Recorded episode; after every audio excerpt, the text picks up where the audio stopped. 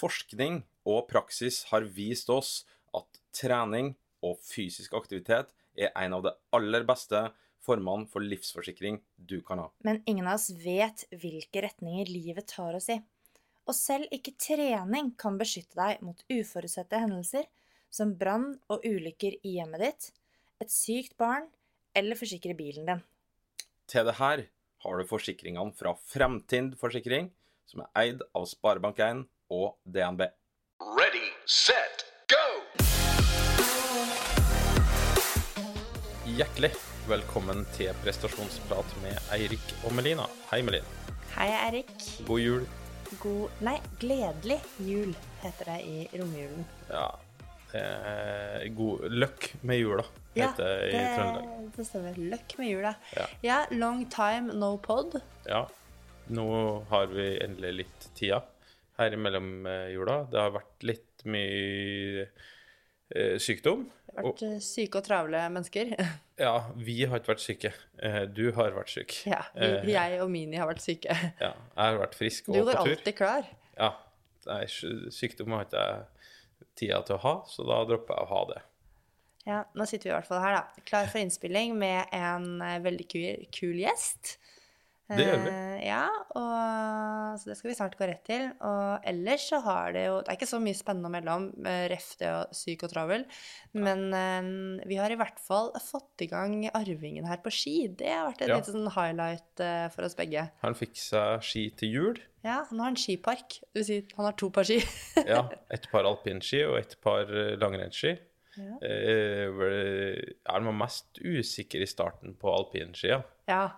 Eh, det handler vel sikkert om at eh, vi, altså genetikken hans er mer knytta opp mot langrenn enn alpint. Og du tror det? ja. Jeg velger å tro det. Ja. Neida. Så det, det, vi skal nok få fart på det der greiene der etter hvert. Det morsomme er at sånn eh, Man snakker om nature versus nurture når det kommer til ja, mange egenskaper og utviklingen av de, men han her er allerede miljøskada. Han står opp sånn Når han våkner på natten, så kan han sette seg rett opp i senga og begynne sånn Heia Simen! Altså Simen Krüger, da, som er på ditt lag. Heia Sjur! Og bare sånn eh, Nå skal vi sove, Niklas. Jeg så et bilde av Emil her i går. Emil Iversen, ja. ja. og da var sto han der og staka og ropte 'heia, Emil', så Ja. det er klart han er miljø, miljøskada. Nå er det sikkert noen som tenker sånn 'Å, stakkars kid. Og jeg tenker det selv innimellom. Anyway, nok om arving. Det liksom, dere skjønner da, det er ikke så mye spennende når det er det vi har å prate om. Men eh, jo, vi kan jo snakke litt om eh, hvordan treninga vår går. I og med at vi snakker mye om trening her i prestasjonsprat. Hva med deg selv? Eh, Det har vel vært sånn middels minus i jula, bortsett fra julaften for min egen del. Da var det årlige distansen min i Kollen. Uh, uheldigvis så var det jo stiv kuling, eh, tolv minusgrader. Så det, var, det var en kald og tung opplevelse å gå i Kollen eh, akkurat da. Ikke, ikke bare pga. dårlig form, men det var fryktelig tunge forhold. Dårlig form er kanskje å ta litt i, da. Men du har jo kanskje vært råere, ja. Det har jeg. Ja.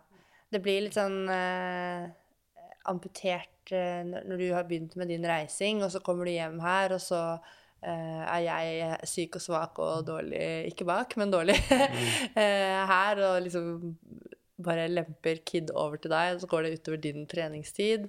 Ja. Og jeg har hatt sånn av og på-opplegg. Sånn 'Nå er jeg frisk. Ok, nå begynner jeg å trene litt forsiktig. Å nei, nå er jeg syk igjen. Å ja, nå er jeg frisk. Trene litt forsiktig. Å nei, nå er jeg syk igjen. Du har i hvert fall runda der barnehagevirusene som har vært i høst. Det, har Skulle du tro at jeg hadde begynt i barnehagen. Ja, dem har du tatt eh, så det grunnlaget til oss begge her, det, det blir stadig eh, tynnere. Men jeg må si for egen del, jeg har jo kjørt faktisk en laktatprofil på meg selv for å eh, sjekke litt ståa, det lille vinduet jeg hadde som frisk. Og da undervurderte jeg meg selv veldig. Og når, når jeg liksom går eh, mine nå veldig rolige turer i Kollen. Jeg holder det short and sweet. Jeg har veldig troa på korte og hyppige økter når man skal komme tilbake etter sånn luftveissykdom og den ting. Så det driver jeg med, og da føles det faktisk ikke sånn. Det føles ikke så tungt. Så, eh, men det å ta i hardt eh, på en intervall eller distanse, det er jo noe annet. Så det blir spennende når jeg skal gjøre det. Og jeg må bare fortelle en litt morsom ting, fordi rett før vi hadde Eller det er ikke morsomt egentlig, men komisk. Eh, rett før vi gikk ut i juleferie, så var jeg sensor på PT-eksamen på Norges idrettshøgskole. Og da er det sånn at det er to og to da, som har eh, eksamen. En som da fungerer som eh, PT-en, som skal ha sin eksamen, og så er det en som er PT-kunden. To studenter. Så var det oddetall på min gruppe, så jeg stilte da som PT-kunden til den studenten som jeg også skulle sensurere. Eh, og da skulle vi gjøre noe sumo-markløft, som jo er en øvelse som jeg egentlig har trivdes ganske bra med, selv om jeg er mer bygd for strak mark. Men eh, da så spør hun sånn Ja, hva, hva skal vi legge på? Hvor mye tar du på, på ti repetisjoner hvis du skal ha tre repetisjoner i reserve? Ut fra den casen hun hadde, da. Så jeg bare Nei, det er så lenge siden jeg har uh, hatt sumomark, og egentlig jobbet noe særlig med det, med løft i det hele tatt. Ref. covid og stengte treningssenter og alt det der. Så nei, vi bare starter på 50, da, bare så får jeg varmet opp litt. Setter i gang første sett, og så begynner hun å pirke litt sånn smått på teknikken. Og da må jeg bare erkjenne at eh, nei, hvis det her skal løftes på den måten som du vil, kjære PT, da må vi faktisk Jeg tror vi napper av ti kilo, jeg. Altså, det er all time low, Eirik, på min beinstyrke. Ja. Det er helt krise. ja, men det er flaks at det går an å gjøre noe med Ja, ja, ja. beinstyrke. Men det er bare sånn Man får så passet påskrevet at det å bare liksom I gåsehudene bare løpe og gå på ski, det holder ikke for å opprettholde eh, liksom den maksstyrken, da. Og det å bare slenge rundt på den kettlebellen min og bruke egen kroppsvekt, det holder heller ikke. Det må sterkere lut til med vektstang og greier. Så nå er jeg veldig inspirert da, til å få det ordentlig på med vårt eh, hjemmetreningssenter her. For Ja. jeg tror jo hjemmekontor kommer til å fortsette litt, så nå må vi få oss en stang her. Ja. Ja. Uh, du har blitt svakere. Det betyr jo ikke at eh, ting nødvendigvis går fortere. Nei, det er det jeg egentlig skal frem til, da. Ja. Uh, så er jo det store spørsmålet om hvor rask er du? Um, det kommer veldig an på hvem du sammenligner med, men i idrettslig sammenheng, på liksom litt sånn høvelig nivå, ikke veldig rask. Nei. Jeg Hvis jeg har- sammenligner med en blaut tepose, så, Da er jo jeg superrask. så det er målfoto. Fy fader.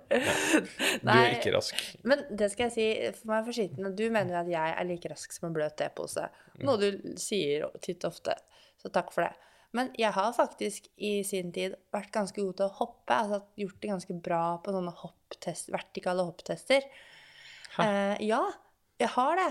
Ja, du hoppa på trampoline, da? Nei, nettust. Eh, og jeg har hoppet heller ikke så verst i lengde. Sånn at det, det er jeg, jeg vet ikke hva det er, men kanskje jeg bare kan hoppe og ikke kan eh, ja, Jeg har i hvert fall ikke noen med langrennssprint å gjøre. og Det er en grunn til at jeg ikke melder meg på sprint, for jeg vet at sånn Det blir bare prolog. Ja, det gjør det. Ja. Det gjør Så nei da. Men hvor rask er du, da, kjære? Jeg er ikke så verst. Jeg er ikke sånn høvelig rask til Hvis jeg sammenligner meg med relativt mange, faktisk, tror Ja. jeg. Eh, Men hvor lenge men er du rask? På hvor lang distanse? Jeg jeg er jo rask høvelig lenge. Ja, altså er det 100 meter? 20 meter? Er du bare akselerasjon? Har du noe toppfart? Ja, altså nå eh, på ski så har ikke jeg god nok teknikk lenger til at jeg klarer å, å være Ja, toppfarten er god nok. Men jeg tror nok fortsatt at jeg har en brukbar akselerasjon. Ja. Det tror jeg nok. Eh, Jeg har lyst til å teste ja, og se hvor rask du egentlig er. Men poenget er jo at vi har en gjest i dag som er raskere enn både meg og deg. Han er rask. Han er blant verdens raskeste i sin disiplin, faktisk. Det er én. Eh, Så jeg tror egentlig vi hopper rett til vår prat med Ludvig Sønn Søgnen Jensen. Ja, det gjør vi. AKA Ludio. Ludio. Eh, Så da ønsker jeg rett og slett deg, Ludvig Søgnen Jensen, aka Ludio, velkommen til podkasten vår. Tusen takk. Du, eh, er, du er ikke akkur Du har ikke verdensrekorden akkurat nå. Vi diskuterte det her eh, rett før eh, vi starta podkasten, men det er riktig å si at du er en av de desidert raskeste menn i verden på 100 meter på ski. Ja, det vil jeg si. Ja. Eh, kan du bare sånn kjapt introdusere deg sjøl, hva du driver på med til vanlig, og eh, litt den biten der. Jo, jeg driver med noe som eh, heter supersprint på ski. Det er eh, korte, veldig korte skirenn, eh, gjerne 100 meter. Fungerer sånn at det er utslag. Først en prolog, kvartfinale, semifinale og finale. Gjerne fire mot fire. Og så er det egentlig over på en times tid. Så det betyr at du, du er fryktelig rask. Ja, det er eh, det nærmeste du kommer eh, friidrett, tenker jeg. Ja. For, for langrennsløpere, i hvert fall sprint. Ja. Eh, mm, altså, du, du som uh, skiløper begynner å bli noen år. Uh, har du alltid vært rask? Ja. Jeg var raskest på fotballaget når jeg eh, var barn, og alltid raskest på skitreningene. Og løp mye og syntes det var gøy med variert uh, idrett. Ja. Så jeg, har alltid, jeg har alltid vært uh, rask. Og så har jeg jo gått vanlig langrenn fra jeg var barn. Mm. Uh, så det er jo først i siste, altså i 2012-2013 at jeg bestemte meg for å drive med det her, da. Ja. Hva var det som gjorde at du endret måte, disiplin da, fra normal langrenn til supersprinten? Eh, Det var, for det første så var det ikke supersprint da jeg, var, da jeg vokste opp. Det var jo knapt uh, sprint. Det var jo uh, først i 2001 eller noe at jeg var på mesterskapsprogrammet, tror jeg. ja, stemmer. Um, og jeg syns jo at vanlig sprint var superkult. Og så manglet jeg uh, de viktigste egenskapene utholdenhet og, og kondisjon. Um, trente selvfølgelig masse for å bli eh, best i vanlig sprint. Gikk distanserenn og alt mulig, men eh, buttet imot i mange år. Og så kom det en sånn uh, konkurranse på Bislett, husker jeg, i 2012. Ja, den husker jeg òg. Ja, det var en stor greie. Det var på TV, og det var Johaug og uh, Bjørgen og Northug og hele gjengen gikk der, da. Så da prøvde jeg å komme med på den konkurransen, men fikk uh, nei. Eh, fordi det var en sånn invites eh, only. Eh, så året etter, da, i 2013, så sendte jeg inn en film hvor jeg gikk 100 meter på ski ganske mye raskere enn det som var verdensrekorden på det tidspunktet. da. Um, og så sa de liksom ja, du, du, det er liksom ikke nok med en sånn filminnsending, da. Men så sendte jeg den filmen til VG og Dagbladet og sånn, og så trykket de en sak på det, og så fikk jeg plutselig et wildcard.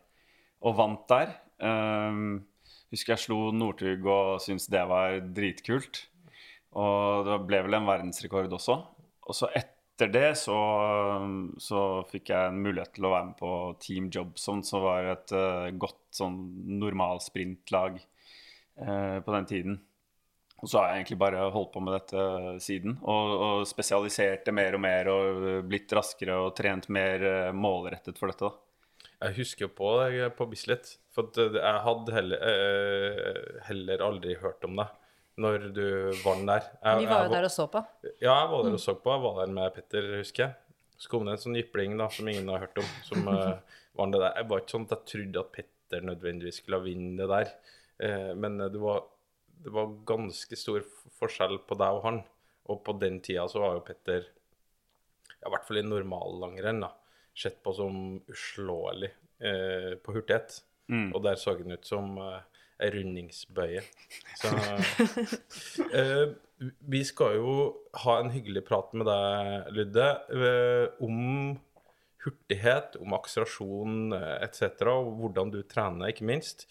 Eh, men først så må vi ha litt sånn begrepsavklaringer, fordi at uh, vi kommer til i løpet av denne podkasten til å snakke om hurtighet, power, kraft og akselerasjon, og, og da er det kanskje greit å ha litt ja, ha litt sånn begrepsavklaring rundt det her, da. For at hurtighet, det defineres som muskelens evne til å skape størst mulig akselerasjon.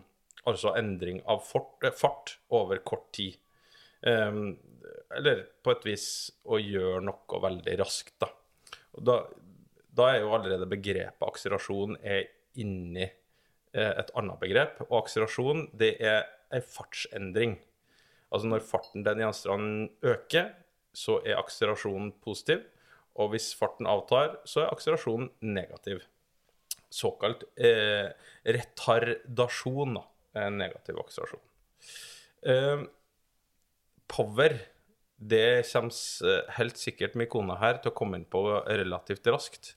Eh, men det er jo òg, i hvert fall i fysikken, så power er det samme som effekt. Og det er produkter av da både kraft og hastighet. Eh, og da er vi altså inn på det med watt. Og det er da benevninga for det her kraft... poweren, da. Powertrening er trening som tar sikte på å øke effektutviklinga um, og uttrykke maksimal anaerob power. Det er kroppens maksimale evne til uh, adenosin-trifosfatforbruk uh, og reproduksjon av det her. Så, frue, du har jo hatt fysikkeksamen på, uh, på Hvorfor tar du opp den nå? Det var ikke gøy. Jo, jeg syns jo det var veldig gøy. Jeg gjorde det veldig dårlig.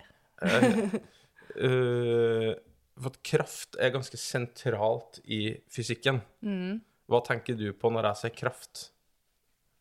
Uh, altså Matlaging og kjøttkraft og tenker, Nå er det jul her vi sitter nå, så nå tenker jeg mest på sånn ribbekraft.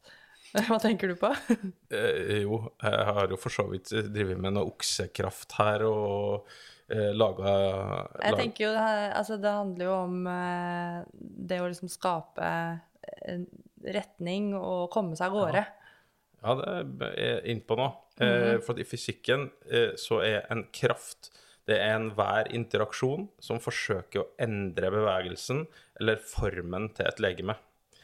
Eh, om det ikke er andre krefter som motvirker det her, da. Eh, med andre ord så kan en kraft føre til at et objekt med masse eh, endrer sin hastighet, hvilket betyr eh, at det endrer sin fart fra f.eks. stillestående eller fra en hastighet til en annen. Eh, og det kan jo på et vis intuitivt beskrives litt som et sånn skyv eller et drag, da. Eh, og det, det her kreftene, det her var du inne på, det har både styrke og retning, ikke minst, som gjør at de kan også betraktes som vektorer. Og det med retning, det kommer vi til å komme litt inn på, for det her det har òg en stor innvirkning eh, for deg, Ludde, når du skal eh, komme deg fort fra 0 til 100 meter. Nå fikk vi en veldig fin sånn eh, Hva syns du om den, den liksom recapen av fysikktimen? Du er også utdannet også innenfor en, idretts, ja. idrettsvitenskap. Jeg har også hatt uh, idrettsbiologi og idrettsvitenskap, så det, jeg, jeg syns det var en god recap. Det er veldig bra. Jeg fikk Ludde Jeg elsker jo fysikk. Fysikk er det, det Når jeg blir voksen, så kunne jeg nesten tenkt meg å blitt fysikklærer. Det syns jeg er moro. Det er derfor jeg mobber min kone litt, som kanskje ikke bør bli fysikklærer. Ja, men jeg skal bare, da skal jeg bare skyte inn at det var jeg som har gjort en biomekanikkmaster med en meget innafor karakter. Ja, er det er jo imponerende. Ja. Takk for meg. Fysiologitimen eh, er jo ei mer eller mindre fast spalte som ikke alltid passer inn eh, i podkasten vår, litt sånn avhengig av tema, men i dagens tema så passer det veldig godt inn. Så Melina, kan du prøve å forklare oss litt fysiologisk hvorfor at det sitter en i sofaen her som er veldig hurtig, eh, mens du kanskje ikke er så hurtig? Å ja, takk for den. Um, ja, det, det stemmer jo, det. Uh, når det gjelder hva det er som gjør noen hurtigere og raskere enn andre, så er det jo flere faktorer som ligger til grunn for det. Eh, og hvis vi starter med det metabolske, så er det jo igjen flere metabolske faktorer som er viktige for eh, hurtighet og maksimal anarob prestasjon. Eh, både i supersprint og f.eks. 100 meter sprint ved løp, så er det jo hovedsakelig anaerobe eh, Altså det er anaerobe eventer der den mitokondrierespirasjonen, da, eh, den er veldig liten. Og det, vet at det er jo noen her som har savnet at vi prater mer om mitokondrier, så da hiver jeg det inn. Um, men det vil alltid være noe aerobt energibidrag som foregår. Det er jo ingenting som er 100% anaerobt, fordi det alltid er en form for basalbruk av ø, oksygen i kroppen. Men uansett, da, så vil jo Jo kortere eventet er, liksom, jo kortere prestasjonen varer i tid, desto mer anarobt blir eh, arbeidet. Så ja. Jeg har et kort spørsmål. Når du trener, Lydde, på Tenker du noen gang eh, at du skal gåsehudene noe aerob trening, da. Altså selvfølgelig er nok arob det uansett, men tenker du i treningsarbeidet at jeg må også ha inn noe aerobt? Ikke så veldig mye, men eh, det er jo oppvarming og sånne ting. Mm. Så, så det jeg er litt redd for, er at jeg skal påvirke muskelfiber, fibernes egenskaper. Eh, Men jeg har jo jeg, jeg har teknikkøkter, blant annet. Og så har jeg restitusjonsøkter hvor jeg Det vil du kalle aerobt. Uh, hvor jeg gjerne også løper eller går på ski kortere drag, men med mye lavere intensitet enn hva som er uh, ja, eh, vanlig når jeg sprinter. da. Altså, Så totalt så blir- sett så har du jo sikkert en del aerobt arbeid, ja, men det er ikke et fokus for å utvikle det aerobet, er det riktig å si? Ja, det er riktig. Ja. Mm. Ehm, ja, så vet jeg arbeid som f.eks. tilbake til dette med uh, kortere tid, mer uh, anaerobt. Hvis et arbeid varer eksempel rundt 30 sekunder, så er det ca. 30% av uh, ATP-turnoveren som kommer da fra mitokondrierespirasjonen. Uh, mens ved f.eks. 100 meter sprint i løping, da, som varer rundt 10 sekunder på elitenivå, så er den sannsynligvis mindre enn 5% bidrag fra det aerobe. Fordi det dominante energisystemet i supersprint og sprint, det er jo, kan vi si det i kor, kreatinfosfatsystemet. Ja, veldig bra kor. Kor, Eh, det, er ikke sølvguttene som sitter her. Å, er det ikke? Det er bare jeg som har så innmari julestemning. Um, kreatinfosfatsystemet. Og der, det har vi jo hatt en podkast om før, eh, akkurat det systemet hvor vi har gått mye mer i detalj på det. Men kort fortalt så brytes jo kreatinfosfat ned, og så er det et fosfatmolekyl som overføres til ADP for å danne ATP. Og eh, så, så lenge kreatinfosfatsystemet jobber, så vil ATP dannes veldig raskt. Eh, og det vil holde et sånn moderat nivå av ATP-mengde i muskulaturen, som vil være ganske konstant så lenge det er det fins kreatin å ta. Eh, det som er litt interessant, er jo at eh, kreatinfosfatsystemet det eh, kan kun opprettholde energikravet ved de mest intensive muskelkontraksjonene i faktisk ca. 10 sekunder. Og det er jo i det området eh, eliteprestasjonene i friidrettssprint befinner seg. Da. Og faktisk også da i supersprint. Mm. Så, så det er eh, det viktigste systemet å, å trene, og det kan påvirkes ved trening. Mens, eh, og når kreatinfosfatsystemet jobber altså, for fulle mugger, da, eh, så er egentlig det eh, Glykolysen er rett bak. Den begynner å aktiveres eh, egentlig ganske raskt. Eh, og ved en 100-metersprint på 10 sekunder eller eh, Ja, altså uansett om det er supersprint eller, eller i friidrett, så vil ca. 50 av energien komme fra glykolysen. Og da bruker man primært glukose. Eh, så eh, akkurat som med kreatinfosfatsystemet, så er den eh, kapasiteten til glykolysen for å produsere energi, den er jo avhengig av hvor mye energi du faktisk har lagret i kroppen. Så der må jo lagrene være på topp i begge systemer. Og da er det faktisk først og fremst snakk om glykogen som er lagret i musklene, og så er det bare en bitte liten del som kommer fra blodglukosen. Og studier som har undersøkt maksimal sprint eh, ved 40 meter, 60 meter og 100 meter, de har vist at eh, det er når CRP-lagrene er nesten tomme, eh, og kroppen må belage seg på glykolysen for å skape energi, det er da hastigheten går ned, og man kommer inn i den hva var det du kalte det? Retardasjonsfasen. Ja, ja for jeg mener eh, Når vi ser på friidrett, da, de som springer 100 meter der, så når de er sånn toppfart en sånn 40 meter før mål eller noe sånt. Eh, Så klarer de kanskje å, eh, å opprettholde den farten litt, og så daler farten litt på slutten. Hvordan er det til dere? Altså, er det en eh, positiv akselerasjonsfase hele veien? Ja, det er i hvert fall eh, Når du når toppfart, så greier du som regel å holde den inn på 100 meter. Ja. Uh, du ser på, på friidrett, så Det Usain Bolt var spesielt god på, var jo at han eh, bremset senere. Og på de aller villeste løpene så hadde han nesten ikke brems i det hele tatt. ikke sant? Det handler jo om å komme opp i så høy fart som mulig, og så, ikke, og så bremse minst mulig.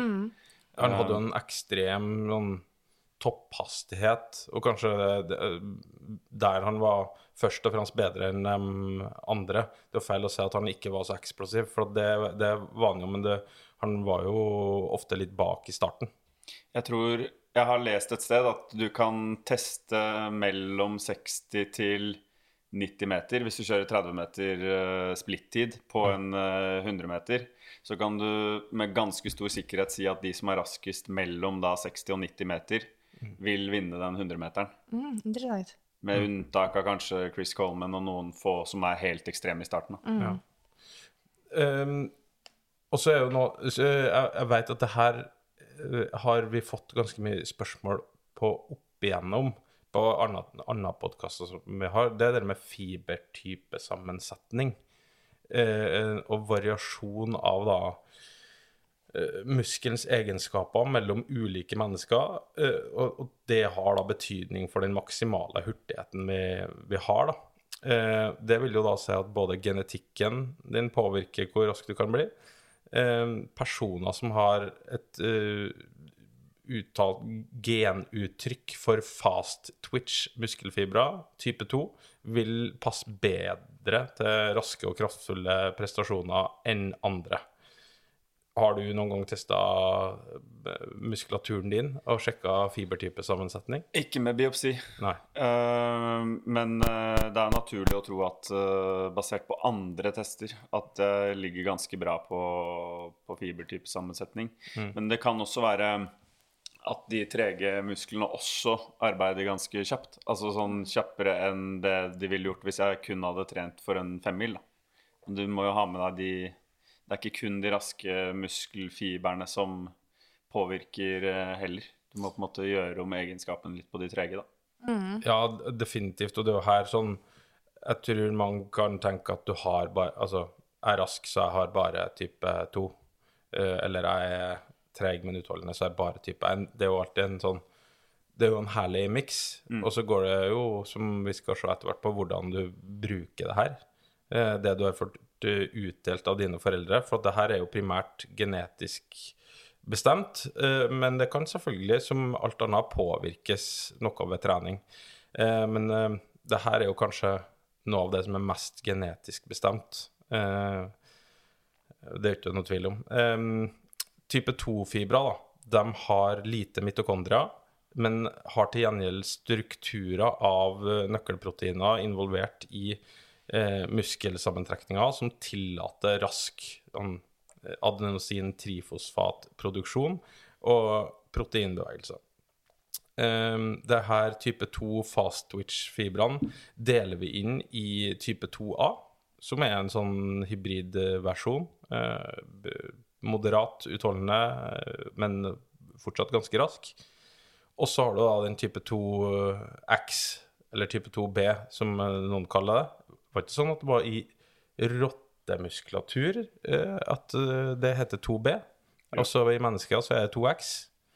Uh, og denne fibertypesammensetninga er lite utholdende, men uh, veldig rask. Uh, og sjøl om trening ikke endrer, eh, endrer distribusjonen av type 1 slow twitch og type 2 fast twitch, så kan type 2A og mm, X da, konvertere seg imellom. Eh, En fun fact om denne fibertypesammensetninga, det er jo at den muskelen som jeg kaller massete, men som heter Masseter. Maseter, ja. Må Bare slenge på der. ja, ja. Eh, som da er det tyggemuskulaturen. Eh, det er den eh, muskelen i kroppen som har da mest type 2X. Og det er da den sterkeste muskelen sånn per eh, omkrets. Per eh, I forhold til størrelsen sin. Ja, i forhold til størrelsen sin, så er det den sterkeste. Så det er jo greit når du skal tygge over litt juleribbe og litt seig svor her. Ja, nå var det bra dere skrudde på den podkasten, så dere fikk vite det. Ja. Men muskelstørrelsen, den eh, er jo egentlig Den er jo relevant eh, når du først er inne på det, da. Eh, med tanke på det å skulle bli raskere og være rask, på sett og vis. Og den kan jo påvirkes veldig mye med trening.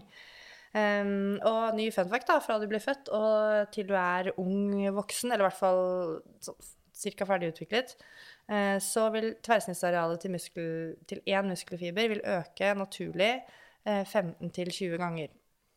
Uh, og med trening som tar sikte på da muskelvekst, eller hypertrofi som det heter, eh, så vil økningen bli mer.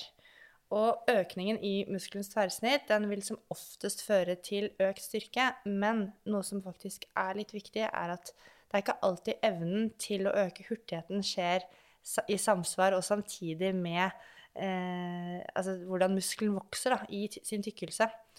Så skal du bli raskere, så må du jo øke evnen til å, å bruke fiberne og rekruttere fiberne og aktivere det som kalles for motoriske enheter, og aktivere mange samtidig. Um, og når du skal Altså måten du aktiverer uh, motoriske enheter på, altså det er nervecelle og den muskelfiberen som den nervecellen innerverer, det er en motorisk enhet. Og når du aktiverer de, så er det jo uh, styrt av Eller aktiverer muskelfiberne, så er det selvfølgelig styrt av nervesystemet. Og i dag snakker vi om dynamisk helkroppsarbeid.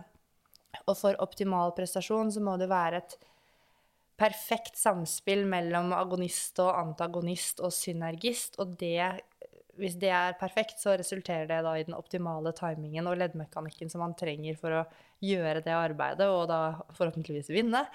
Um, agonisten, det er den aktive muskelen som må eh, generere stor kraft, og samtidig som da agonisten eh, må slappe av, ikke fullstendig, men må slappe av akkurat passe. Antagonisten, ja. Ja, unnskyld, antagonisten må slappe av akkurat passe, mens agonisten må trekke seg kraftfullt sammen. Men kanskje ikke nødvendigvis maksimalt, men også da akkurat passe for at det skal bli optimal teknikk.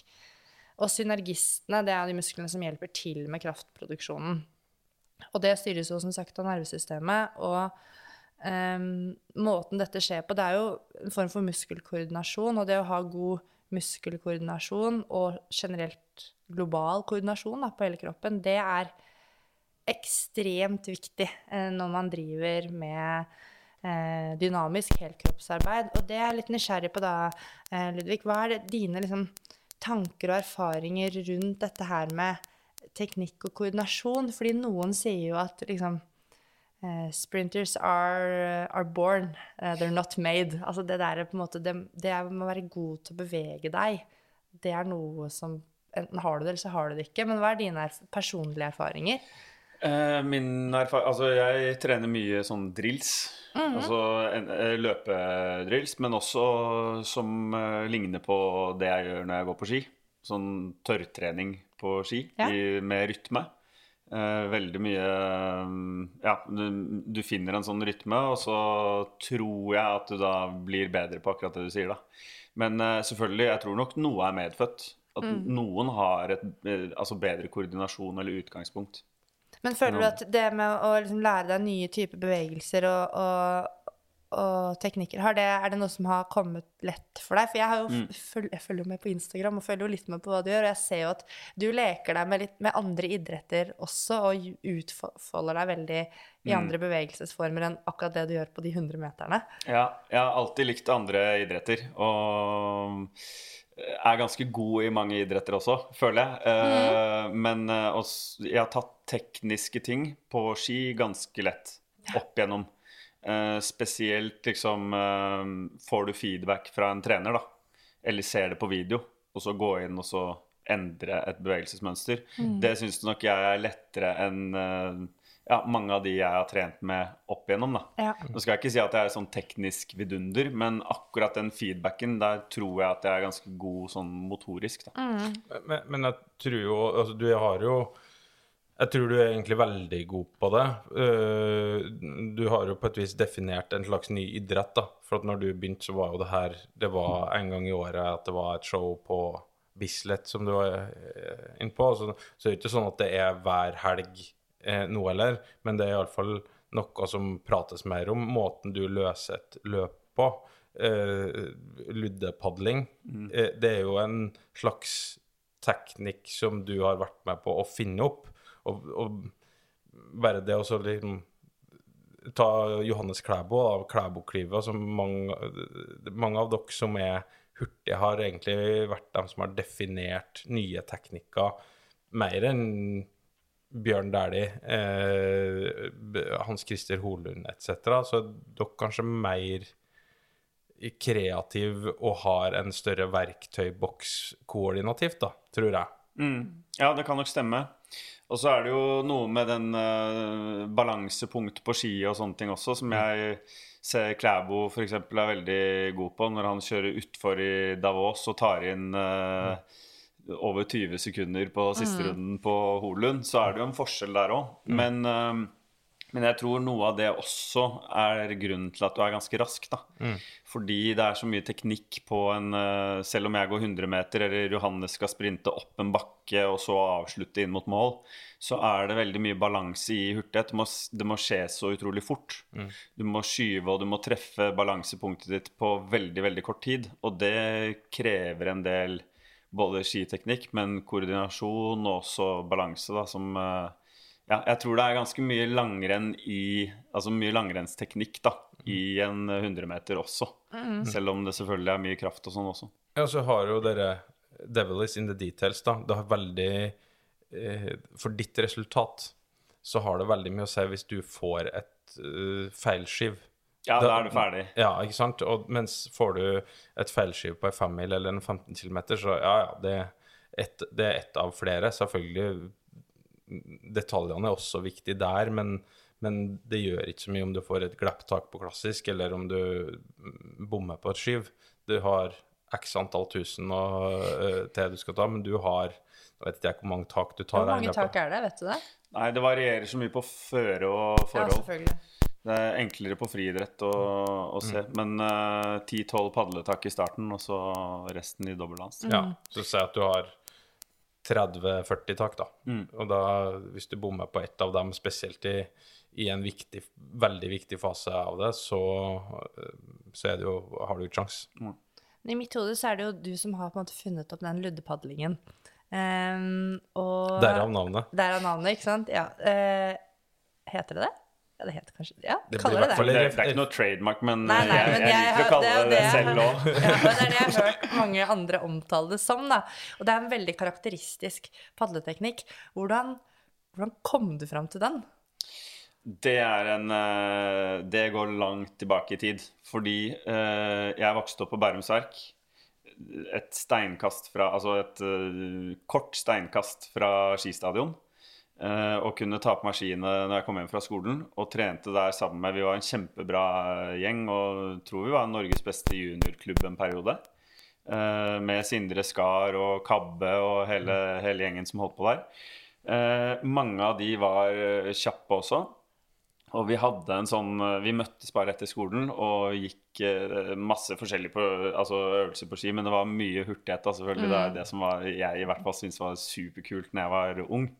eh, og lagde stafetter og alt mulig. Og det var sånn på en måte den teknikken startet, for vi kjørte veldig mye mann mot mann. Uh, typ 100 meter eller 200 meter eller hva det var, liksom. Og da måtte du akselerere kjapt, for det var sånn du vant de sprintene, da. Um, og jeg kom opp med den padleteknikken min. Det er jo rett og slett Du har ikke tid til å flytte overkroppen for mye fra side til side. Nei. Så da flytter jeg heller bena under meg. Det minner meg litt om ishockey, Ja, på en måte. jeg spiller en del ishockey òg, men Ja. eh, du, må, du må flytte bena eller føttene under, under deg, sånn at du får kroppstyngden over, eh, over skiene når du sparker. Og så må du ha høy frekvens, og da eh, skyver jeg Jeg starter det ene skyvet før det andre er ferdig. Eh, så det ser jo, hvis du ser det eh, på film, så kan det se ut som du skyver samtidig med begge bena, men det er en liten delay. Det er en da. liten galopp, på en måte. Ja, Mm. og så har jeg eh, Dette kommer jo av seg selv, men jeg har tenkt mer og mer på det i, når jeg ble litt eldre. Men stavene treffer bakken før, før eh, skiene. Så i en vanlig padling så vil du sette ned stav og ski på hengside samtidig i snøen. Mens her så har du da stavene i bakken litt før, så du får en sånn annen rytme på det. da. Så det, litt en miks mellom dobbeldans og padling, kanskje, men, men eh, det er i hvert fall en sånn Ja. Uh, alt går rett frem. Alt går med tyngde og tyngdekraft rett ned i bakken. og høy frekvens. Ja, for at sammenligna med vanlig langrenn eh, og, og padling i vanlig langrenn, da, så har, der har du jo én fot i bakken hele tida, eh, og stava selvfølgelig. Eh, mens du eh, har jo en svevfase her, eh, der begge beina er eh, i lufta samtidig. Så treffer stavene litt før, som du sjøl er inne på, og så får du et slags sånn dobbel kick, dobbel push med, med beina. De går utover litt samtidig, da. Så det, i mitt hode så er jo det der en sånn eh, innovativ eh, teknikk eh, som selvfølgelig Jeg tror det er tungt å gå i femmil på, på det viset, men du sikrer deg eh, veldig sånn effektfull eh, push når du, når du har beina i bakken. da. Jeg kan jo legge til da, at uh, den teknikken kan man også bruke over bakketopper, f.eks. Nå går jeg stort sett flatt, men øhm, jeg har testet øh, mye med celler, og hvis man går over i dobbeldans over bakketoppen, så kan man fort møte veggen litt. Så her kan man da hoppe inn i noen sånne øh, luddepadletak Ja. før man øh, akselererer videre i, i dobbeldans. Det er spennende. Jeg får eh, ta det med meg inn i, i, i laget. Så er jo ikke alle nødvendigvis Vi var jo inne på koordinasjon her, så er jo kanskje ikke alle like koordinativt at dem, vi må bruke noen år, tror jeg, på å, å lære dem det. For noen kan det funke. Jeg syns det er veldig morsomt at uh, det at du og liksom gutta var ute og, og lekte på, på stadion etter skolen, at det har på en måte gjort at uh, at den karakteristiske padleteknikken har blitt til. da. At det kan skje gjennom lek og kreativitet. Og for ofte så tenker man det er liksom mye sånn idrettsutvikling. At det kommer fra et eller annet sånn laboratorie, eller at det er noe som skjer på elitenivå, som de på nivåene under tar til seg. Men her har det på en måte vært andre veien, da. Så det er litt gøy. Jeg, jeg, jeg tror motsatt er egentlig på veldig mye sånn teknisk eh, utvikling. Så tror jeg mye av det stammer fra leik og, og yngre utøvere, mer enn at eliteutøvere setter standarden, i hvert fall i langrenn, da. Eliteutøvere er ofte ganske gamle. Eh, og da, da er ting ganske satt. Eh, Du får ikke endra veldig mye sånn teknisk på noen som har passert 25. Det, det, det er lite.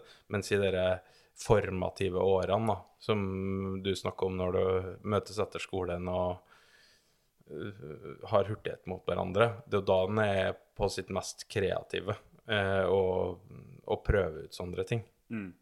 Så eh, jeg er jo i hvert fall ikke kreativ nok eh, til å kan ha, komme opp med sånne ting. Jeg, jeg kan sitte og vurdere ting fra sidelinja og, og Være som bedre bedreviter. Ja, jeg er god på det. Ekspert. Det kan jeg være. Men det som er utrolig kult, da, det er øh, jeg, jeg liker å bare dra på skistadion rundt klokka seks-syv på kvelden. Da kryr det av barn og, og masse sånne fellestreninger.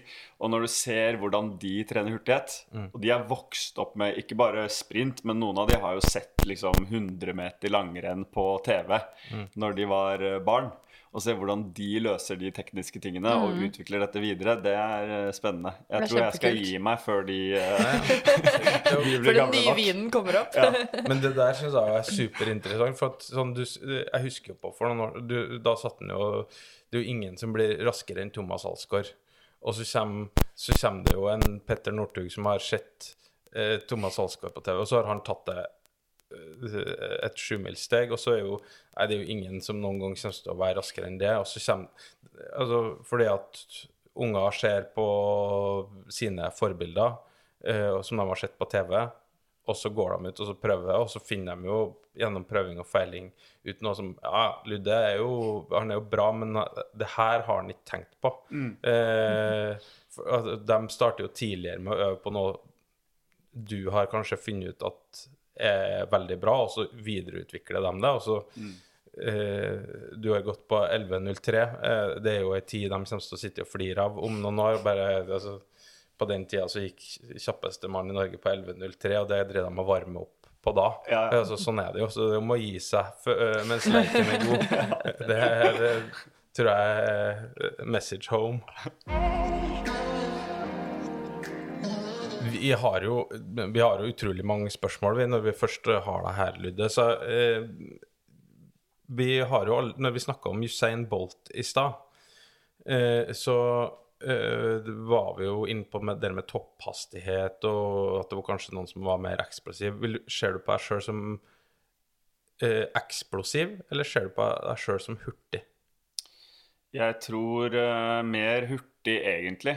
Eh, men uh, jeg har nok Altså, det kommer an på hva du sammenligner med. Jeg, jeg trener mye med sånne watt-apparater, Kaiser-apparater og den type ting. Og da scorer jeg jo på en måte høyere på lav belastning da, enn på høy belastning.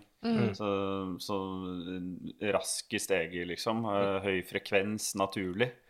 Men uh, kanskje skorter litt på den maksimale styrken. Selv om jeg har opparbeidet meg over mange år med masse styrketrening, så har jeg blitt sånn rimelig sterk, da. Men uh, ja. Ja, fordi det var et spørsmål jeg hadde om hvor mye styrke trener du egentlig? Jeg har jo vi, jeg har jobbet på Magnatsenter, og der trener jo du.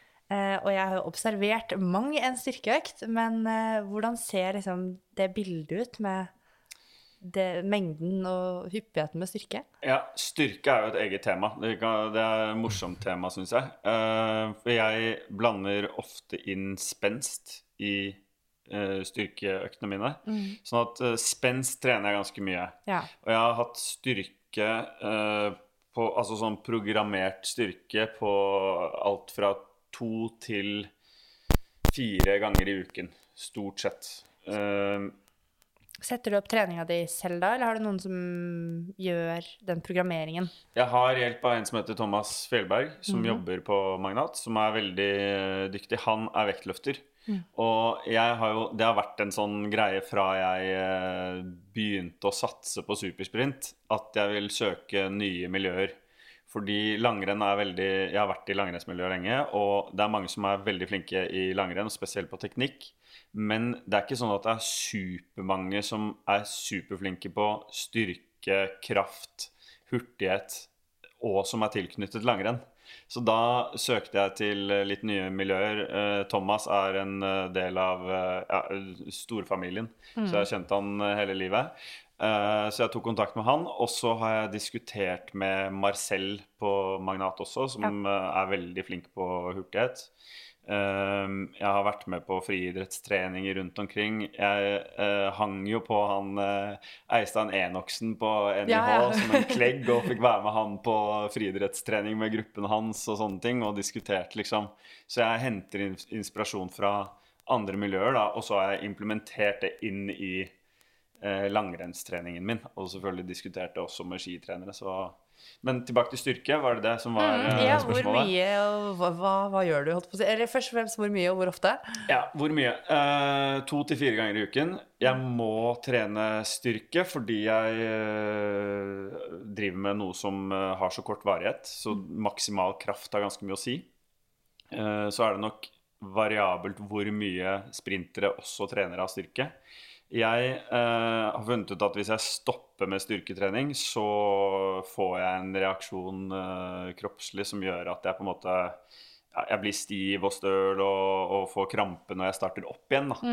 Så jeg må ha et minimums eh, antall timer på styrke i måneden. Det er ikke verdt å stoppe, liksom. Det er ikke verdt å stoppe. Eh, og så eh, endrer jo styrketreningen seg med, gjennom året, da. Så jeg har alltid eh, åtte eller tolv ukers programmer med hver økt uh, er på en måte satt opp med prosenter, da, sånn at jeg har, følger en progresjon. Um, og da kan det være tidlig på året, typ i mai, juni, at jeg har litt mer volum, litt mer hypertrofi etter en lang skisesong.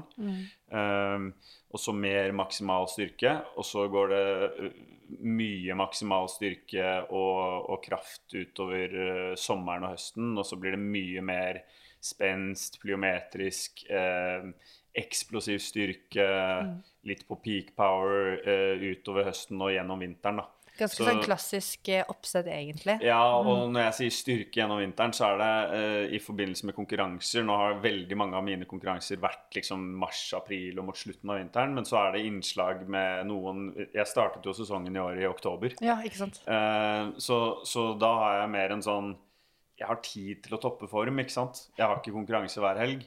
Eh, og så blir det heller en sånn hvis det er tre-fire konkurranser etter hverandre eh, på litt kort tid, så, så kan jeg heller kutte liksom de tunge styrkeøktene. Bare kjøre spenst, bare oppvarmingsløft, bare eksplosivt eh, over en periode, da.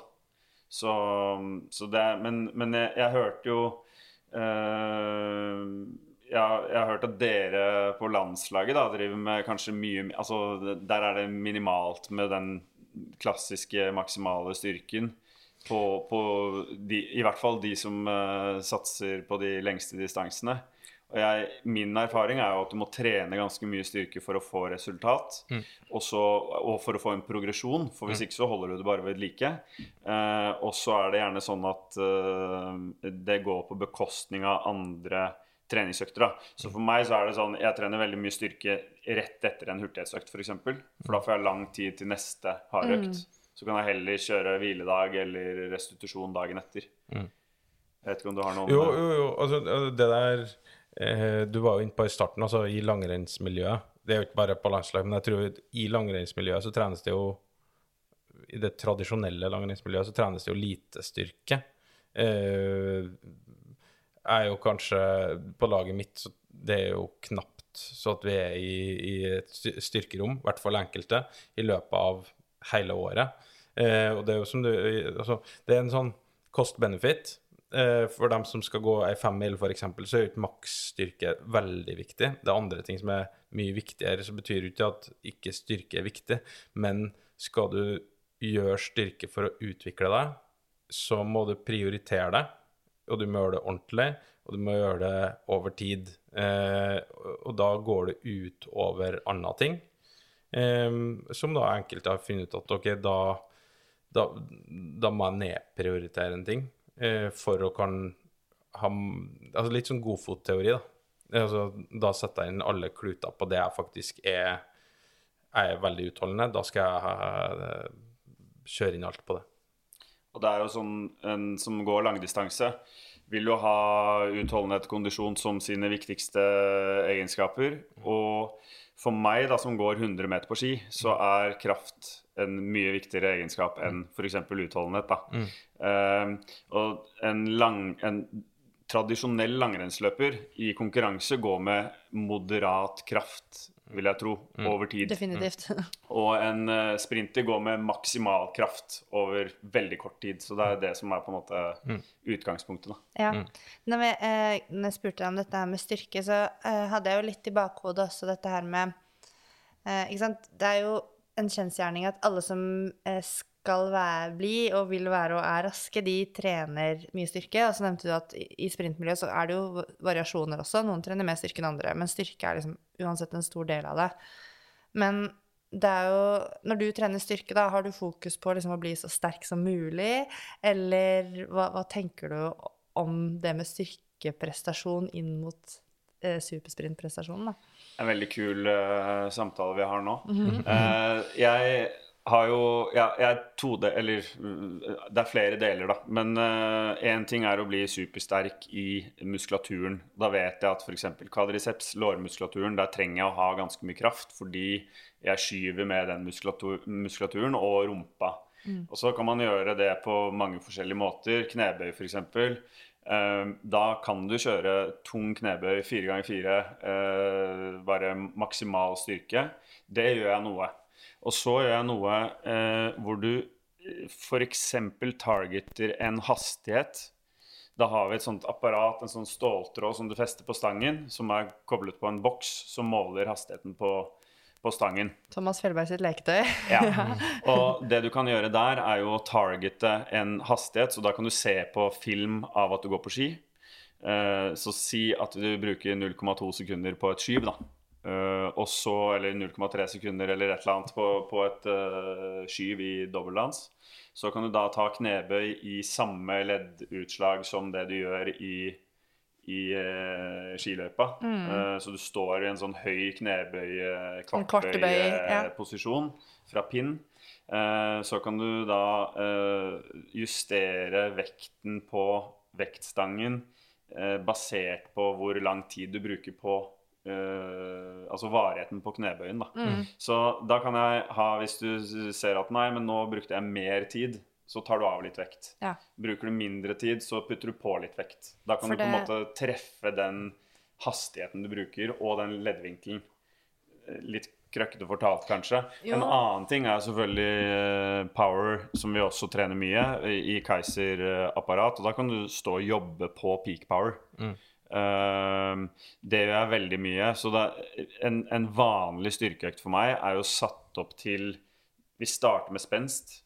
Det, da er du Nervesystemet må være på, ikke sant. Du må være trygge. Og og det er sånn typisk hekkehopp. Eh, Du kan ha sidehopp eh, fra boks eh, og tilbake igjen som en sånn skøytevariant. Du kan ha keiserstaking for overkroppen. Bare sånn superhøy frekvens for å øve på det. Uh, vi kan ha Det er så masse øvelser som jeg, som jeg trener. Eh, veldig mye spenst uten belastning. Og så putter vi på belastning. F.eks. knebøyhopp med stang. Uh, bruke trap bar for å, for å hoppe med litt belastning, bare. Kan ta på noen strikker. Eh, løp med slede. Altså litt mer sånn eksplosivitet. Og så går vi me- mer på maksimal styrke, eller eksplosiv styrke før, gjerne. Og så maksimal styrke, og så til slutt så jobber du med det, altså viktige ting for å holde teknikken. Sånn core, mage, korsrygg. Eh, sånn, en, en styrkeøkt for meg er på en måte mer sammensatt da, Ja. enn det det er for veldig mange andre skiløpere som jeg ser som kanskje trener hangups og, og dips og, og, og, og masse mage. Ja, det, Ja, du, du hører, det er jo veldig spesifikt retta det styrken du gjør, da. Altså, Hvis en går på Olympiatoppens treningsdagbok og ser på styrke, så har du jo maksimalstyrke, spesifikk styrke eh, Altså, du har masse forskjellig styrke du kan mm, sette her på, men sånn som du forklarer, så er gjør jo du veldig mye som er spesifikt retta inn mot akkurat de bevegelsene du gjør. Eh, og der er, du, der er du selvfølgelig veldig bra, men du gjør lite av det eh, gammeldagse, generelle eh, langrennsstyrken, kall det det, da. Ja, og generell styrke det er jo, eh, Dette er jo en sånn definisjonsprat òg, fordi det er veldig mange som snakker om styrke, og så gjør de noe som er Altså, det skjer et eller annet på mellom 15 og 20 repetisjoner. Som da blir kanskje mer utholdende, egentlig. da. Og for mage og korsrygg og sånne ting, så er jo det veldig bra hvis du skal holde en teknikk i, over lang, lang tid.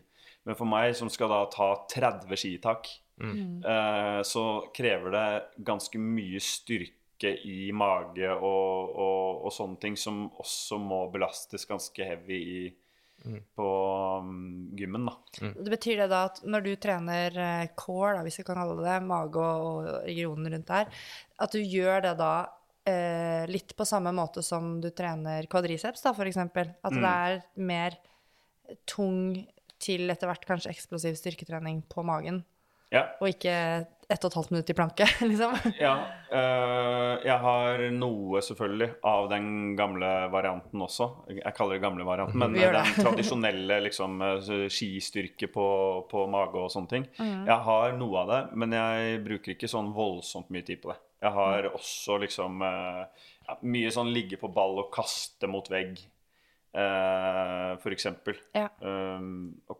kastøvelser i seg selv har jeg jo mye av på overkroppen. da, sånn Medisinballkast og sånne ting. Ja. Det er jo ingenting som er så eksplosivt som å kaste en gjenstand.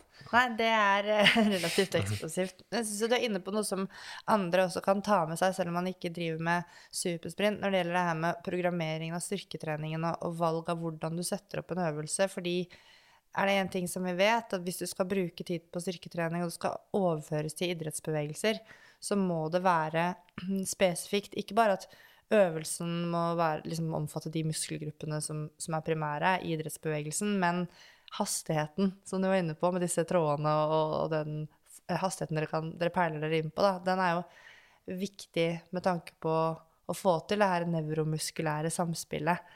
Eh, og der tror jeg også at det sikkert er mange innenfor utholdenhetsmiljøene som kan gjøre det bedre. At man bruker, liksom, når du først bruker tid i styrkerommet, hvorfor ikke bare forsøke å treffe enda litt mer spesifikt på både kanskje leddvinkler og også kontraksjonshastigheter, da. Ja, og det er jo sånn Hvis du tar en knebøy da, som et eksempel, så er det jo Hvis du tar så mye du kan i knebøy, så bruker du jo tre-fire sekunder på å komme deg fra, fra 90-graderen og opp, ikke sant? Så det er jo litt sånn eh, Hvis du ser på det du gjør på ski, uavhengig av om du går langt eller kort, så er jo de bevegelsene mye, mye raskere. Så det, eh, maksimal styrke har selvfølgelig noe å si, men eh, det er jo faktisk hvor mye kraft du greier å få ned i, i skiene eller ned i snøen på den korte tiden som du faktisk har kontakt med snøen, som, har, som på en måte er det som gir deg det resultatet. Da. Ja, altså, altså at krafta går rett retning. Det var Ja. inne på i starten, altså det har jo, da har jo det nevromuskulære og teknikken har jo potensielt mye mer å si. Hvis du eh, kjører hypertrofitrening herfra til månen, eh, så er ikke dermed sagt at eh, teknikken din og det nevromuskulære følger deg etter. Du kan jo være dobbelt så sterk, men hvis du løser bevegelser dårligere eller mindre effektivt, eh, så går det ikke nødvendigvis så mye fortere. da. Nei. Så eh, Vi har jo tidligere hatt en episode Vi har hatt en hel episode eh, om noe som vi kalte tretimeren. Det er jo fordi at jeg mener det er noe av det viktigste treninga en eh, tradisjonell skiløper gjør. Eh, nøkkeløktene er ikke nødvendigvis bare hardøktene. Eh, det ligger veldig mye eh, viktig i dere eh, lange, lange langturene. Da. Eh, når gjennomførte du din siste i gåseøynene tre timer? I gåseøyne eh, fjor påske. Ja. Da hadde jeg en tur på fjellet. Fantastisk føre på Skaret. Gikk i Hemsedal eh, med godt selskap over fjellet der. Og det var liksom sånn Det er, det er så sjeldent da at jeg får gått en sånn skikkelig langtur, liksom. Men eh, jeg, jeg husker de, de gode langturene i, med blå himmel og sol og bra skiføre. Det er ordentlig Ja, det er deilig. Men jeg er ikke sånn at jeg misunner de skiløperne som må ut i sludd og regn og gå tre timer på ski heller. Nei, for du kan jo liksom velge ut solskinnsturene og ta det på den lette skaren hvor du slipper å gå og slite og jobbe og bli seig og kjip i musklene, liksom. Ja, og det er akkurat det, da. At du blir, du blir jo det du trener. Så jeg prøver å unngå på en måte de verste mm, langturene. Og så unngår jeg intervaller som er sånn halvharde. For det tror jeg eh, spiser fibre ganske, ganske raskt. Så mm, jeg går jo rolig eh, på oppvarming og noen teknikkøkter. eh, restitusjonsøkter hvor jeg bare skal på en måte vaske litt muskulatur, så pleier jeg å gå litt rolig. Og så har jeg noen sånne semiharde drag, liksom. Jeg har noe intervaller. eh, 45-15, Ja. typisk. Men Ikke så veldig mye opp mot uh, Ikke så veldig mye over uh, Jeg har noen av og til i perioder. Hvis jeg skal eh, på en måte få en bedre fitness, da, så kan jeg kjøre opp mot tre minutter, liksom. Jeg hørte for øvrig at uh, Warholm uh, løper helt opp i fire minutter nå. Det er interessant. Men eh, han skal jo også løpe 45 sekunder, da. Mm. Så, men jeg trenger noe kondisjon, noe utholdenhet. Eh, ikke så mye kondisjon, men eh, muskulær utholdenhet i hvert fall til å stå distansen sånn fire-fem drag da, på, um, i konkurranse over en totimersperiode. Og så trenger jeg det til å stå trening. Um, ja, for du må være fit to train, rett og slett. Og Ja. tåle. Ja. Mm. jeg har jo eh, Skal vi snakke om hurtighet òg? Ja, ja, Ja. Eh, fordi eh, jeg har jo eh, to økter i uken cirka med sånn det vi kaller hard hurtighet. da. Sånn eh, typisk starter fra stopp. eh, Må akselerere fra, på startsignal. Eh, det kan være alt fra 30-40 meter og til liksom 150 meter eller noe sånt. Eh, normale for meg da er å ha total uh, antall meter drag på 500-600 meter. Altså totalen min i løpet av økten er på 500-600 meter. Hvor lange pauser har du da mellom, altså, mellom disse hurtighetsdragene? Sikkert litt avhengig av hva slags intensitet eller hva du Veldig. tenkte å jobbe med, men en range. Ja, eh, som regel 3-4 minutter mellom hvert drag, og si 4 til 15 minutter mellom hver eh, serie. Jeg pleier å eh, sette det opp i sånne serier at jeg har f.eks. 3 ganger 4. ja. Og så har jeg um, 60 meter eller et eller annet. Da. Det kommer- varierer veldig. Um, jeg leste vel i eh, på idrettshøyskolen en gang at eh, i friidrett så kreves det ca. ett minutt per ti meter med maks innsats. Så hvis du løper 100 meter, da, så krever det pga. nervesystemet så krever det ca. 10 minutter pause etterpå, da, før du på en måte har nullstilt eh, nervesystemet. Så det, det er en ganske stor påkjenning. Um, og skal da gjentatte drag, spesielt fra start, uh, så krever det lange pauser. ja, fordi du kjører jo også litt med flying start, men det blir jo Mye. muskulært mye lettere. Veldig mye flying start. Uh, og det er sånn at hvis jeg har to, to av de harde hurtighetsøktene, så har jeg to eh, som alle andre skiløpere ville kalt hurtighetsøkter, som jeg kaller speed endurance. Som er uh, Da har vi et omfang på rundt 1500 meter totalt. Og da kjører jeg veldig mye flying. Mye 100 meter, mye 150 meter. Litt kortere pauser, men fortsatt, uh, fortsatt et par-tre par, minutter. Litt kortere på seriepausene. Eh, kan slippe meg litt mer ned mot 95% 90, 90% kanskje, på, på intensitet. da. Det er vanskelig å sette det inn i du kan, Det er liksom ikke I5 eller eh, du vil kalle, De fleste vil kalle det hurtighetstrening. Ja. Så for meg så er det mer toppfarttrening. Du treffer, um, og du går fort, men det er liksom du holder igjen bitte, bitte litt da, for å gjøre det teknisk bra, og for å kunne ha flere drag. Ja, for å få ned volumet. Nå nevnte du jo ehm, eh, Var det uh, speed endurance du nevnte?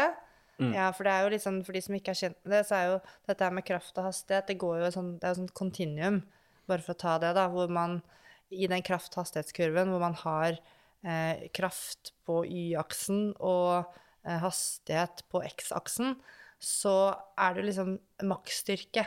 Det er liksom det absolutt mest sånn kraftfulle man utøver. Og så er det eh, strength speed som kommer liksom neste. Og så er det det som har med peak power å gjøre, som er liksom i midten der. Og så er det speed strength. Eh, jeg vet ikke hvor lang liksom avstand det eh, liksom ville tilstå Det blir vel kanskje 100 meter, da. da. Speed strength. Og så er det speed endurance, som er det som var opp mot 1500 meter, da. Så, som krever da forskjellige prosenter av denne maksstyrken, eller av 1 RM.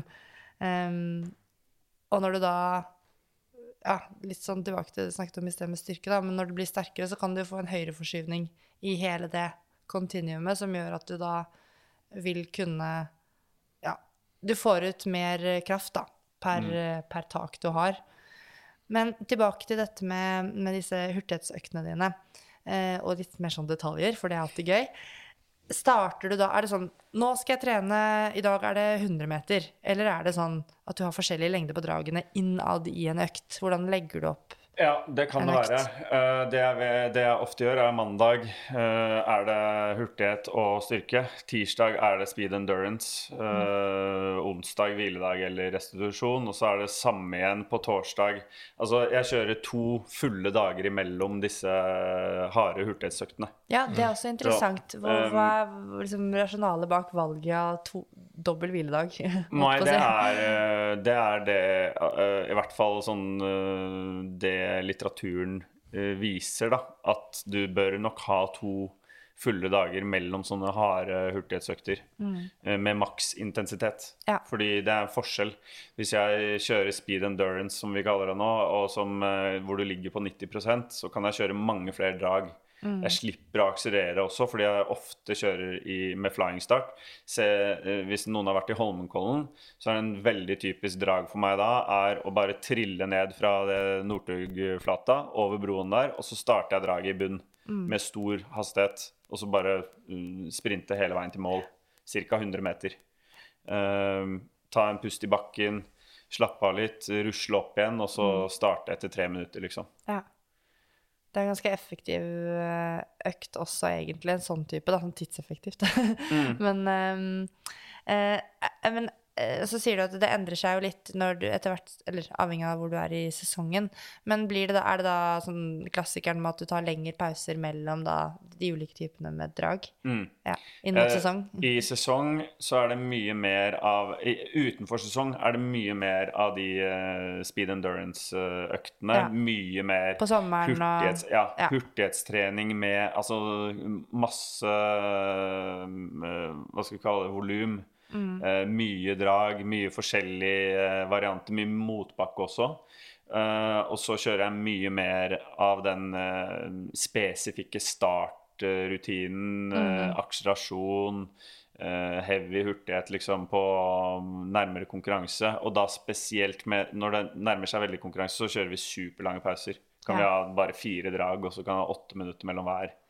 Eh, når det nærmer seg skikkelig, da. Ja, Ja. Men, eh, og så er det egentlig bare å ligge med bena høyt. Det er veldig sånn eh, Vi snakket jo litt om det her nå før vi skrudde på i dag òg, at sånn hvile har blitt en helt annen greie for meg nå de siste årene. At jeg, jeg, jeg tåler så mye mer trening hvis jeg hviler litt.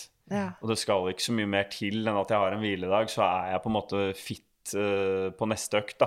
Mens hvis jeg hele tiden må varme opp systemet og kjøre restitusjonsøkter og kjøre økter som kanskje ikke har så mye å si for det endelige resultatet, da, så blir jeg mye tyngre. Mye mer sånn Føler føler seier. meg Jeg er på trening, da. Så det å legge inn en ekstra hviledag Jeg har stort sett én hviledag i uken på søndagene.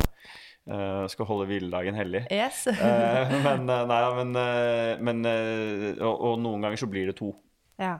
Og apropos det, Um, når sesongen er, liksom, er ferdig, da, eh, tar du deg noe Tar du deg ferie, tar du pause, eller trener du Altså, noen er jo så lei av å trene og være i liksom et system, da, at de trenger liksom to uker på en solseng. Men eh, hvordan løser du offseason? Jeg tror, Det er jo ikke så lang offseason Nei, egentlig. jeg tror at eh, nå har jeg konkurrert litt på rulleski også om sommeren. Og da er det sånn at da må du på en måte få på deg de rulleskiene ganske kjapt. Men eh, men én ting er at eh, Altså, jeg tåler ikke så veldig lang periode med pause uh, før f.eks. styrken Det blir tyngre å starte opp igjen med styrketrening, da. Så jeg holder det ved like ganske mye. Enten det er eh, litt spensttrening, litt uh, styrketrening, liksom. Jeg har ikke noe sånn superlang offseason Nei, sånn du stopper ikke treninga Eller jeg har en 100 lang offseason, men ikke en, uh, en ferie, liksom. Nei. Um, og så er det litt Jeg tror også forskjellen kan ligge litt i at jeg, jeg har så spredt med konkurranser. Så det er ikke, det er ikke sånn at jeg er på reise fra oktober til eh, april og må ha liksom den to ukeren eller fire uker med bena på, på sofaen eller det på en solstrand. mentale blir litt annerledes sånn sett, Ja. kanskje. Men, eh, og når vi er inne på det mentale, så må jeg bare spørre, fordi eh, noe som jeg i hvert fall kan huske å ha lært eh, i litteraturen, er jo at den der, dette med hva heter det, intent, altså det at du I hvilken grad du er motivert da, for å være rask. Det er veldig viktig for om du klarer å være rask og få ut ditt maksimale. Hvordan jobber du mentalt for å bli raskere? Eh, nei, jeg jobber jo på, på treningsøkter eh, i hvert fall, med liksom fyring og, og være litt sånn Du må, du må være på. Du må Det er ikke alltid de beste øktene er klokken åtte på morgenen. Nei. Kan hende det er bedre å trene ti eller elleve. Eh, når du på en måte kroppen har våkna litt, du har fått i deg noen uh, kopper med kaffe og, og du føler deg litt mer tent. da. Så, så det er de tingene der. Og så er det det å Spesielt når det er litt sånn dårlig uh, værmeldinger og sånn, så prøver man å utnytte de periodene hvor det er bra forhold. Eh, bra liksom eh, ja, eh, muligheter for å trene, da. For det er, er det 10 cm nysnø i, eh, i Kollen, så er det ikke sånn Du føler deg ikke superrask Nei. når du går og bader, liksom. Da kan du ville så mye du du heller vil, men du vente får ikke til eh, dagen etter når de har preppa ordentlig og, Ja. og sånne ting. Ja, øh, men du Altså, motivasjonen må være der, og den- det er full innsats og sånn, men har du noe sånn grep for å ha motivasjon? Blir du sint? Altså, ser du for deg eh, Bekkis eh, stjeler verdensrekorden din, eh, eller Johannes Klæbo, eller ser du for deg noe sånn, eller eh, hvilke metoder bruker du for å liksom ha det siste lille eh, motivasjonsbiten når du skal ta i maksimalt? Jeg tror eh, ja, eh, litt sånn sinne kan funke på de hardeste øktene. Men jeg har jo også hatt jeg, var, jeg, jeg vant alle konkurransene mellom 2013 og 2020. Og da blir du litt sånn også at det er ikke den rivaleriet kanskje som tenner så veldig mye, fordi du på en måte altså konkurrerer nesten mer mot deg selv, da, selv om det høres utrolig skrytete ut. Men nå er det litt mer at uh, nå har jeg lyst til å liksom ja, eh, avslutte på topp, da. Og, og det tenner meg litt. Så det er litt sånn, du må være skarp på de hurtighetsøktene og spenstøktene og sånn, for det er veldig viktig at du tar i maks når du skal gjøre det. Så om det er å liksom uh, piske seg litt på lårene eller i ansiktet eller hva det er, for, for å liksom få den ordentlige fyringen. Jeg ser Warholm er jo helt gal når han løper. Ja, han er Men, eh, og jeg er ikke like sånn uh, Jeg ser nok ikke like sinna ut som han, men samtidig så må du fyre deg opp, da. Og det er det Der tror jeg også det er mange som har mye å lære egentlig når det gjelder det her med spenst og hurtighetstrening. Det du tenker på, har utrolig stor betydning for den derre liksom rekrutteringen av muskulaturen. Så det er ikke bare liksom å komme seg over den hekken, også, men det er liksom å ville komme deg raskest mulig eller hoppe høyest mulig. Du må ønske det.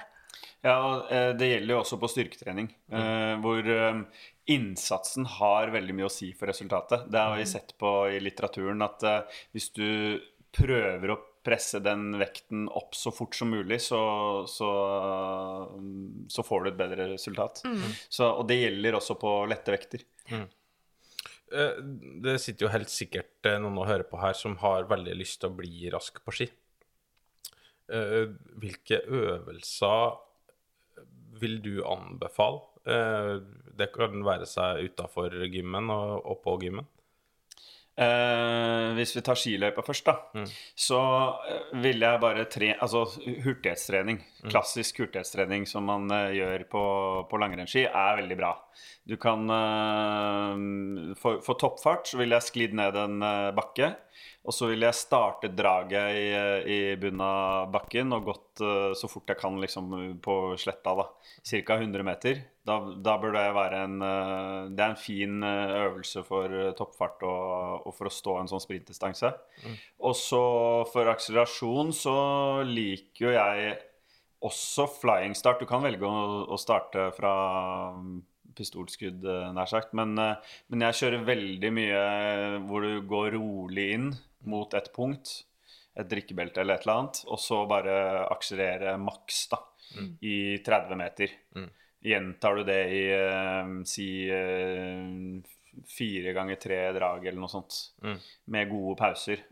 Det er en veldig god mm, øvelse for eh, akselerasjon. Og gjør du det flatt i padling, så vil du kanskje se at du kan bruke det rykket også i motbakke etter hvert. Det er ganske spennende. Ja. På styrke så er det yes, Alt er så individuelt. Hvem, hva er det du skal trene i, på gymmen? Er du sterk i, i lats? Eh, eller i eh, rumpe og lår? Altså, eller er du svak der og må styrke det opp? Men jeg ville trent mye spenst. Det er liksom for fyring. Uh, du må pushe kjapt på ski, og, og da, da er det overførbart. Da. Så noen hekkehopp, eh, noe litt sidelengs, noe kanskje horisontalt også. Spesielt hvis du skal gå klassisk i tillegg, så er horisontale hopp ganske bra, tror jeg. Ja. Ja, så det, ja, variert sånn uh, hurtighet og, og styrketrening er jo Ja, med mindre jeg hører om en spesiell case, liksom. Jeg tror ehm, eh, Ja, det er jo kjempefine forslag, og det som jeg tror er viktig man, om man har lyst til å bli raskere, uansett om man driver med distanselangrenn eller man har lyst til å bli supersprinter, det er jo det å sette den spenst- og hurtighetstreningen også i system, på samme måte som man gjør med liksom det man kaller nøkkeløkter, som er typisk sånn fem ganger fem minutter eh, liksom motbakke. Altså det må være et system på det òg. Man kan ikke trene spenst sånn som jeg har gjort de siste to årene, som er sånn Nei, skal vi ta litt spenst i dag på en random torsdag, liksom? Det må, være, det må også være programmert, da. Um, og det syns jeg er veldig fint å gjøre det sånn som, som du var inne på, at man kan ha spenst inkorporert i en, hurt, i en ikke en hurtigsøkt, men, men i en styrkeøkt. Ja, før, eh, før det tunge arbeidet så kan du kjøre litt spenst. Og så er det jo en forskjell på de som skal være gode på distanselangrenn eller vanlig sprint. Hvor du også må kunne sprinte eh, i en eh, Hva skal jeg si Hvor du er utslitt, da. Eh, stressed state, kaller jeg det. Men eh, eh, jeg sprinter jo stort sett når bena er freshe, og øver på det. Og kan ha lange pauser på hver eneste hurtighetsøkt. Men skal du bli god i vanlig sprint, så må du også kunne sprinte når du er eh, sliten. Så det er jo noe med, Kanskje dere kan eh, prate mer om enn meg, men det er liksom eh, det, det må man også ta hensyn til, da, hvis man skal være veldig god på ski. Det, det, det er jo det som er avgjørende i vanlig langrenn. Eh, det, har jo sett mange ganger, at er, veldig, det er mange som kan være fresh på oppvarming eller dagen før og når det kjøres litt hurtighet og sånn, men når det skal avgjøres på ei oppløpsside i en sprint, så er det jo mange som kanskje detter ifra fordi at de er for sliten. En Emil Iversen, eksempel, er jo ikke spesielt hurtig eller eksplosiv, eller noen ting, men han er ofte ganske rask når folk begynner å bli sliten. Han har en veldig høy toppfart, eh, men han er ikke noe Du hadde nesten jeg òg. Hadde jo gått rundt han på en 100 meter. Eh, men eh, han er jo en av verdens desidert raskeste når han først får opp farten og, og folk begynner å bli sliten. Da er han jo tilsvarende nesten like rask når han er sliten, som han er uthvilt. Og det, det er jo en forskjell. Og det tror jeg Petter òg var, eh, Ja. der han var aller best. Så ser på Johannes, da, så er han i hvert fall eh, også utrolig kjapp i, eh, i en uh, uthvilt uh, Ja. fase. Han er, han, han er nok den jeg har gått mot uh, gjennom tidene, tror jeg, som jeg har hatt størst problem med å slå. Ja. Altså sånn, Vi hadde noen ordentlige oppgjør i 2018 og 2019 og 2020 hvor, Nei, 2018 og 2019, tenker jeg. Hvor eh, han var eh, Nå vet jeg ikke hvordan han, har blitt eldre, han også. og han igjen. Nå gjør han det bra på femmil også. Ja. Men, uh, men han var uh, ordentlig kvikk en periode der. Ja, i hvert fall på, på landslaget så er jo ingen som er i nærheten av han hva gjelder den akselerasjonsbiten der på en 100 meter eller 200 meter. Da er han jo Han er jo suveren ellers òg, men da er han jo i hvert fall suveren. Så du får noen sånne unike av og til som uh, behersker eh, absolutt alt, og han er en, en av dem. Um, rundt oss nå, der vi sitter, så er det jo hvitt. Uh, Det betyr i hvert fall for min del at vi er jo midt i sesongen. Hvordan er det for deg? Hva er målet for den sesongen her, og, og, og hvor går pila i framtiden? Eh, jeg startet jo den sesongen her nå i oktober med seier, og var happy med det. Det var i Sverige. Ehm, og, og har jo slitt med litt sånn diverse skader. Jeg liker ikke å snakke så mye om det, men jeg har hatt uh, en kropp som Det er jo en del av det å drive med sprint. At du ryker noen muskler og, og får litt problemer med mye spensttrening, så kan du fort kjenne det i kneet og sånne ting. Så, så jeg har hatt mitt å, å stri med de siste sesongene, men jeg har kanskje ikke merket så mye til det pga. covid, som har gjort at det ikke har blitt så mange konkurranser heller. Men vi håper i hvert fall at det blir, eh, at det blir en del nå i, eh, i vinter. Så det vanligste er jo at det skjer mer i mars og april, sånn etter den største World Cup-perioden er over, da. Så um, jeg har peilet meg inn på at jeg skal være i god form da. Og så er det noen konkurranser før det som jeg også skal være med på og se, se om jeg kan eh, bite fra meg. Men eh, det er liksom eh, Det går jo mot jeg begynner å bli så gammel nå at jeg, eh, jeg tror ikke jeg skal holde på så veldig eh, lenge, egentlig. Eh, Men jeg har lyst til å være Jeg syns fortsatt det er gøy, så Ja. jeg vil fortsatt være med og prege det en liten stund til. Ja, det er bra. Det blir god underholdning for oss. Ja. Um, du eh, eh, jobber jo også litt som trener, gjør du ikke det? Jo. Mm. I hvilken kapasitet? Uh, hvordan, hvordan gjør du det? Eh, nå har jeg eh, gjort mye fra min egen liksom eh, Jeg har ikke vært tilknyttet noen nå i det siste, så, men jeg har gjort litt for klubber eh, rundt omkring. Eh, og så har jeg gjort litt eh, både sånn skikurs og treningsøkter med eh, ulike Altså alt fra bedrifter til mosjonister til satsende utøvere. Og så har jeg hatt økter med med andre idrettsutøvere også. Det syns jeg er veldig gøy, for jeg, jeg er ganske sånn variert av meg og syns det er gøy å Jeg syns langrenn er morsomt, men jeg syns også mye annet kan være gøy. Um, så det å f.eks. Um, ha en fysisk uh, treningsøkt med Henny Reistad eller eh, Ståle Sandbekk, som driver med håndball og, og snowboard, syns jeg også er veldig, veldig kult. Så det er nok noe jeg kommer til å gjøre en del av eh, fremover også. Ja, for det var litt Sånn- oppfølgingsspørsmålet mitt. For du er jo utdannet fysisk trener innenfor idrett, um, og fra idrettshøyskolen, da. Og er det liksom noe du ser for deg at du eh, vil gjøre mer eh, når du Ja, jeg skulle si hvis du legger opp, men det kommer en dag, liksom. Ja. Når du legger opp. Ja, absolutt. Og det noe, jeg har mange baller i lufta, egentlig, og har mye prosjekter gående. Men, eh, men eh, absolutt, jeg har lyst til å drive med Altså jobbe som, eh, som trener. Eh, og i hvilken kapasitet, det er litt mer sånn den, Jeg får ta det litt når det som det, som det kommer.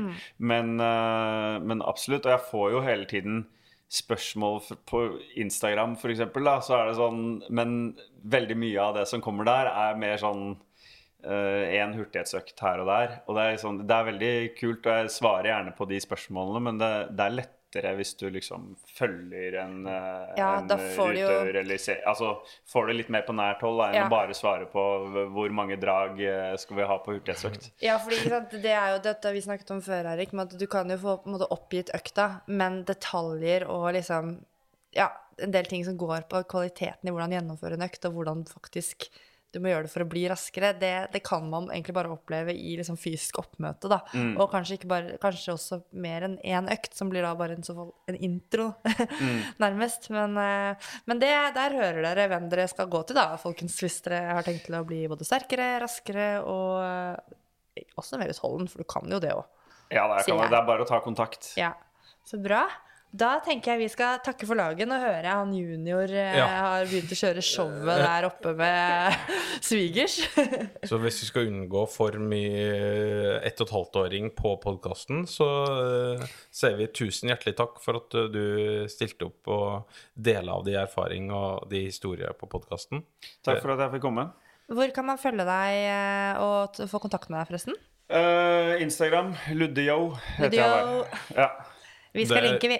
Det er en veldig kul uh, Du har en veldig kul profil der. Takk. Veldig flink til å ta bilder. Og så for dere som er interessert i å bli litt hurtigere og tekniske løsninger, så gå inn der og finstuder. Ja, og så har du veldig bra Q&As òg, så det er bare å, å følge Ludio, som vi skal linke til i episodenotatene. Og ja, da bærer det vel ut på tur for i hvert fall deg, Erik. Tre timer. Ja. Eh, Ja, ja, jeg snakker varmt om det for andre, ikke så varmt om det for egen del. ha det bra. Ha det bra.